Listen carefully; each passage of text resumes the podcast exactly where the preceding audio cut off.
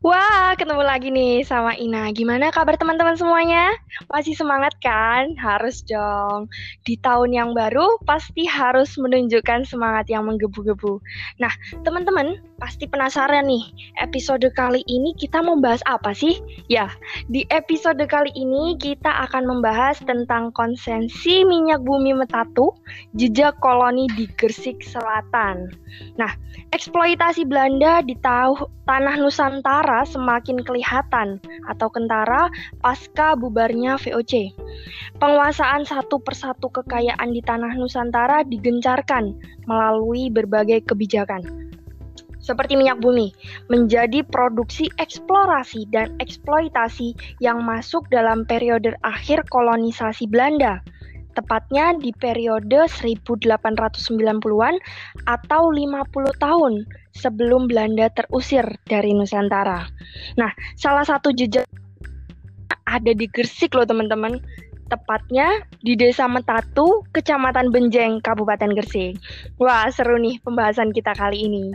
Oke, kita langsung sapa aja nih guru sejarah kita yang udah lama nggak on air sama kita karena liburan akhir semester juga. Halo Pak Al, gimana Pak kabarnya hari ini? Halo Ina, Alhamdulillah baik. Iya, Alhamdulillah sehat selalu ya Pak ya. Nah Pak, tadi kan Ina sempat ngomong nih Pak, bahwa minyak bumi kan menjadi produksi eksplorasi dan eksploitasi yang masuk dalam periode akhir kolonisasi Belanda. Nah, Ina mau tanya nih sama Pak Al, awal mula konsensi minyak bumi di Indonesia itu bagaimana sih Pak? Silahkan Pak Al.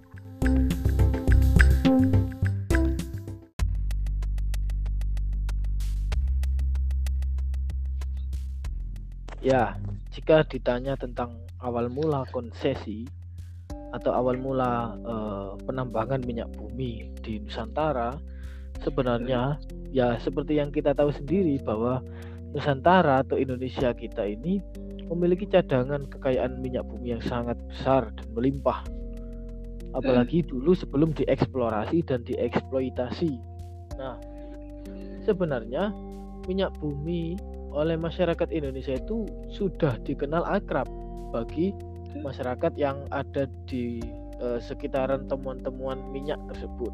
Namun hmm. pemanfaatan uh, minyak sebelum adanya konsesi hanya digunakan sebatas sebagai minyak untuk penerangan.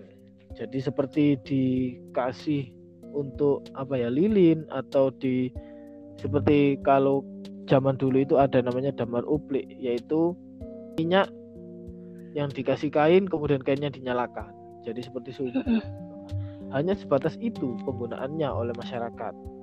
Eh, temuan-temuan minyak bumi itu oleh Belanda pada awalnya memang sudah diketahui dari situ dari adanya aktivitas masyarakat yang menggunakan minyak tersebut. Nah kemudian baru mulai adanya eksplorasi dan eksploitasi ketika adanya edukasi atau wawasan mengenai pemanfaatan minyak bumi di Amerika atau di benua Amerika. Hmm. Itu terjadi di uh, tahun 1850-an ke atas. Nah, karena adanya pengetahuan dan wawasan mengenai pemanfaatan minyak, maka uh, beberapa eh, lulusan-lulusan uh, Belanda dalam bidang pertambangan atau penambangan mulai mencoba mengeksplorasi, mulai mencoba untuk mencari jejak-jejak minyak di Nusantara. Nah, salah satunya yang bernama Adrian Stop. Kemudian ada lagi hmm. bernama Zichker.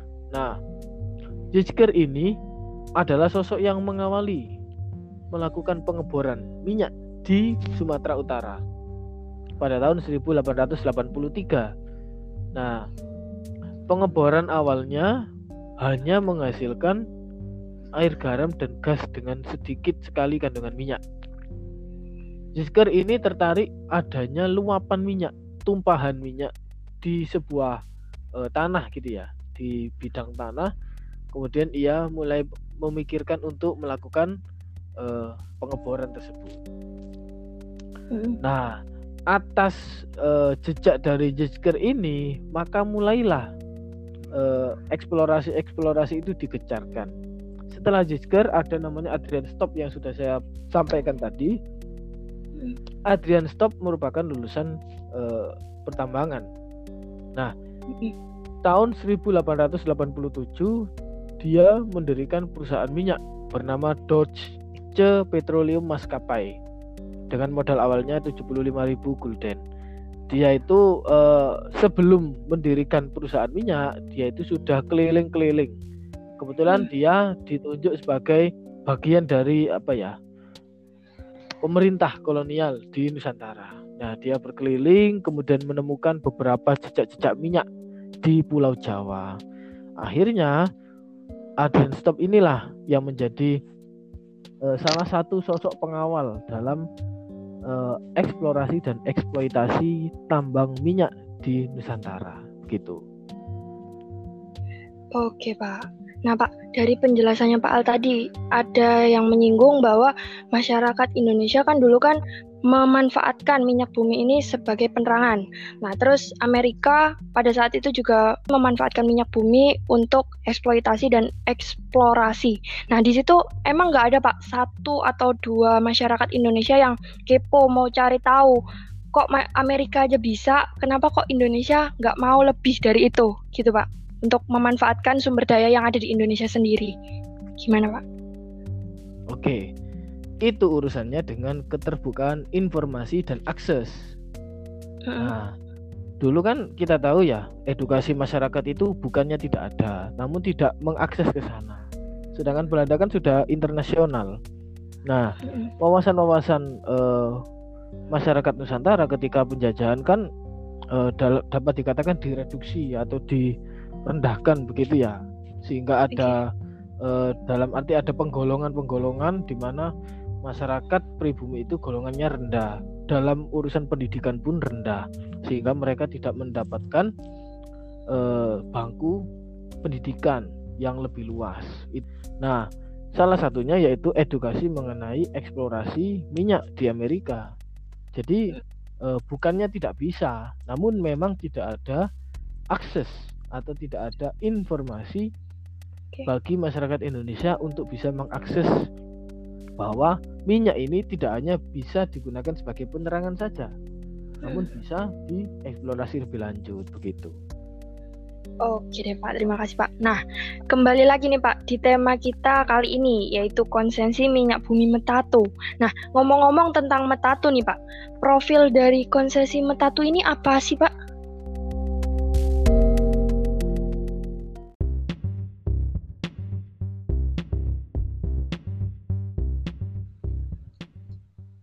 Oke, profil dari konsesi Metadu ya. Nah, sebelumnya saya uh, sampaikan dulu, Desa Metadu ini uh, terletak di Kecamatan Benjeng, tepatnya di sebelah utara.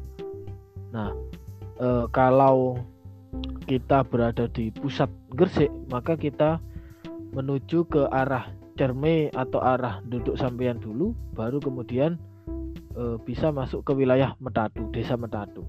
Hmm. Nah, kemudian bagaimana konsesi Metadu ini bermula atau profilnya?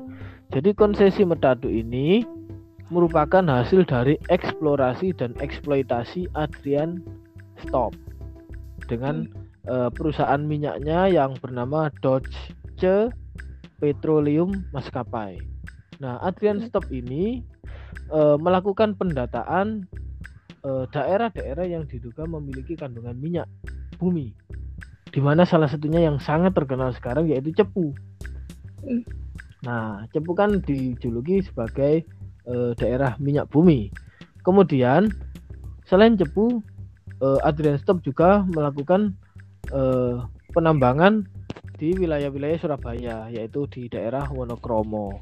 Nah, hmm konsesi metadu ini bagian dari jaringan yang nantinya eh, hasil dari minyak ini dialirkan ke pusat pabriknya yang itu di Wonokromo. Sehingga eh, Adrian Stop ini memiliki eh, pusat ya pusat pengumpulan minyak bumi di Wonokromo dan eh, sumur-sumur minyak bumi di daerah-daerah seperti Metatu kemudian ada lagi di daerah Made dan juga banyak lagi. Nah, itu Adrian Stop. Jadi Metatu memang menjadi salah satu incaran Adrian Stop untuk mengeksplorasi minyaknya. Jika kita melihat dari jejaknya sekarang, masih ada bekas dari eh, aktivitas penambangan minyak bumi pada zaman dahulu. Bahkan tahun 2013 dulu pernah viral itu ya desa Metatu karena adanya semburan minyak dari daerah yang dulu digunakan sebagai eksplorasi itu menyembur hmm. sampai uh, dikhawatirkan seolah-olah seperti kejadian Lapindo. Nah, itu tahun 2013. Nah, itu uh, merupakan bekas dari eksplorasi dan eksploitasi perusahaannya Adrian Stop. Kemudian menurut pemberitaan-pemberitaan uh, dari Belanda, uh, sumur di konsesi Metadu ini uh, memiliki kedalaman ya, itu bervariasi ada yang sampai 70 kaki sehingga hmm. baru e, mendapatkan semburan sumurnya. Nah, selain itu e, dikatakan ada 12 sampai 14 sumur atau lubang yang digali di wilayah Metatu. Hmm. Meskipun juga Adrian Stop juga melakukan penggalian di daerah Made Lamongan, kemudian daerah e, Lidah Kulon, kemudian daerah yang disebut sebagai 12 desa. Kemungkinan adalah 12 desa kecil yang uh, terhubung ya. Nah, kemudian kedalaman dari sumur Metadu yang sudah saya sebutkan tadi ada yang mencapai 70 kaki, ada juga di pemberitaan itu mencapai kalau dalam meter itu mencapai 1000 meter, 800 meter dan 600 meter. Dengan jarak masing-masing dari sumur itu 400 meter dan 200 meter. Nah, bahkan ada ada juga yang jaraknya hanya 50 meter. Nah, itu profil dari konsesi Metatu. Kemudian masalah e, hasilnya. Hasilnya memang ada yang mengecewakan, ada yang tidak mengecewakan. Dapat dikatakan hasil dari konsesi Metadu ini tidak terlalu besar jika dibandingkan dengan e, daerah-daerah lainnya seperti daerah e, Kota. Japa Kota itu sekarang ya daerah sekitar Surabaya. Jika melihat dari peta sekarang, nah jika kita berbicara dengan uh, kondisi peta, sumur Metatu atau sumur dari konsesi Metatu ini terletak di sebelah barat dari perempatan desa Metadu atau perempatan jalan raya Metadu. Ada perempatan, kemudian ada balai desa, itu masih ke arah barat. Nah, di situ letaknya konsesi Metatu tepatnya di tengah-tengah sawah, areal persawahan. Begitu. Oke, Pak, jelas. Nah, Pak, berhubungan juga nih, Pak, dengan pertanyaan Ina sebelumnya juga. Dampak adanya konsesi Metatu ini apa nih, Pak? Seperti dampak bagi masyarakat di situ ataupun dampak bagi Belanda pada saat itu? Apa aja, Pak? Oke, kita ke Belanda dulu. Okay. Yang namanya eksploitasi dan eksplorasi dampaknya bagi ekonomi ya sangat besar. Apalagi Adrian Stop dulu eh, dikatakan dalam data Belanda itu memiliki keuntungan yang besar sehingga jasa ekonomi bagi pemerintah kolonial Belanda juga besar jasanya. Hmm. Yang mana salah satunya yaitu hasil dari konsesi Metadu. Nah, uh, hasil dari konsesi Metatu ini mencapai di beberapa pemberitaan ya mencapai uh, sekitar 1364 kotak ada juga menyebutkan 1300 ton minyak mentah. Kemudian ada lagi datanya 1188 ton minyak mentah. Itu di daerah Metatu Nah, eksplorasi Medadu ini dimulai 1890-an atau tepatnya mungkin eh, tepatnya yaitu 1897. Itu eksplorasi di Medadu. Itu dampak bagi pemerintah Belanda yaitu ekonominya meningkat pastinya dan dampak bagi Adrian Stop ya perusahaannya sukses. Okay. Namun berbanding terbalik dengan masyarakat Nah, dampak dari adanya konsesi metadu ini yaitu sangat besar. Yang pertama, konsesi metadu ini dilakukan dapat dikatakan secara sepihak untuk urusan penggaliannya. Jadi Adrian Stop ini hanya minta uh, izin kepada dewan uh, pengurus ya. Ya mungkin sekarang ya uh, kayak dinas begitu ya, dinas masa kolonial untuk melakukan uh, eksplorasi. Kemudian mereka diizinkan, namun warga yang memiliki tanah itu kan tanah sawah. Nah, warga yang memiliki tanah tidak uh, merasa menyetujui itu, tidak merasa mengizinkan begitu ya. Sehingga dapat dikatakan itu merupakan perampasan hak hidup masyarakat. Berarti karena adanya perampasan tanah, maka lahan ekonomi sawah masyarakat juga menghilang. Ya kan? Mm-hmm. Nah, otomatis kesejahteraan rakyat juga terganggu. Nah, itu jika kita melihat dari runtutan eh, adanya eksploitasi yang sepihak. Nah, dampak yang kedua yang juga sangat merugikan yaitu adanya kebocoran pipa akan meracuni tanah di sekitar areal sawah karena pipa yang ada di Metadu itu terhubung sampai ke Wonokromo. Nah, adanya kebocoran di daerah jalan e, pipa itu menyebabkan tanah-tanah di sekitarnya e, teracuni dan tanah yang e, mendapatkan kebocoran itu atau tertimpa kebocoran itu tidak dapat digunakan lagi atau dapat dikatakan menjadi tanah yang gersang tidak bisa ditanami sampai beberapa tahun. Nah, itu dampak dari adanya kebocoran pipa. Jadi ada e, berbanding terbalik. Di sisi lain yang namanya kolonial ya, pasti yang penting kolonial atau pemerintahnya sejahtera.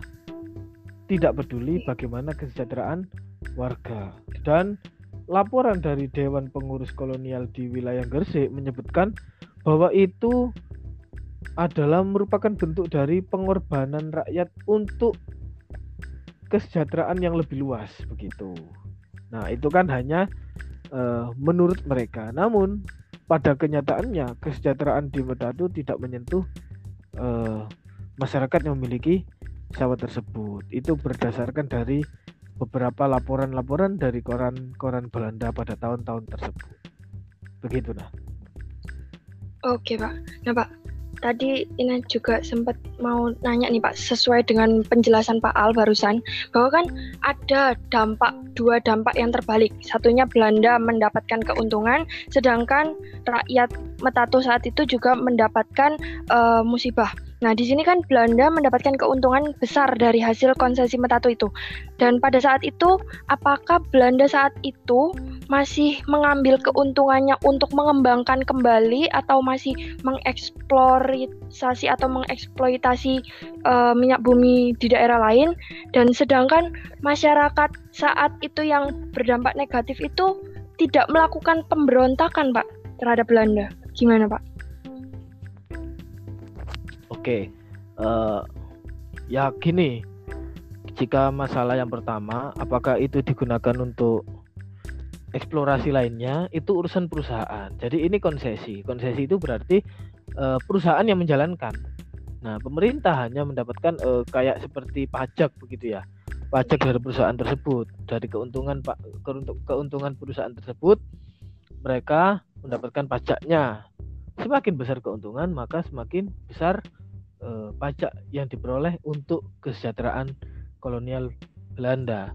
Nah, yang kedua, masalah pemberontakan. Oke, pemerintah kolonial ini seperti uh, seperti apa ya? Sistem pemerintahan biasa.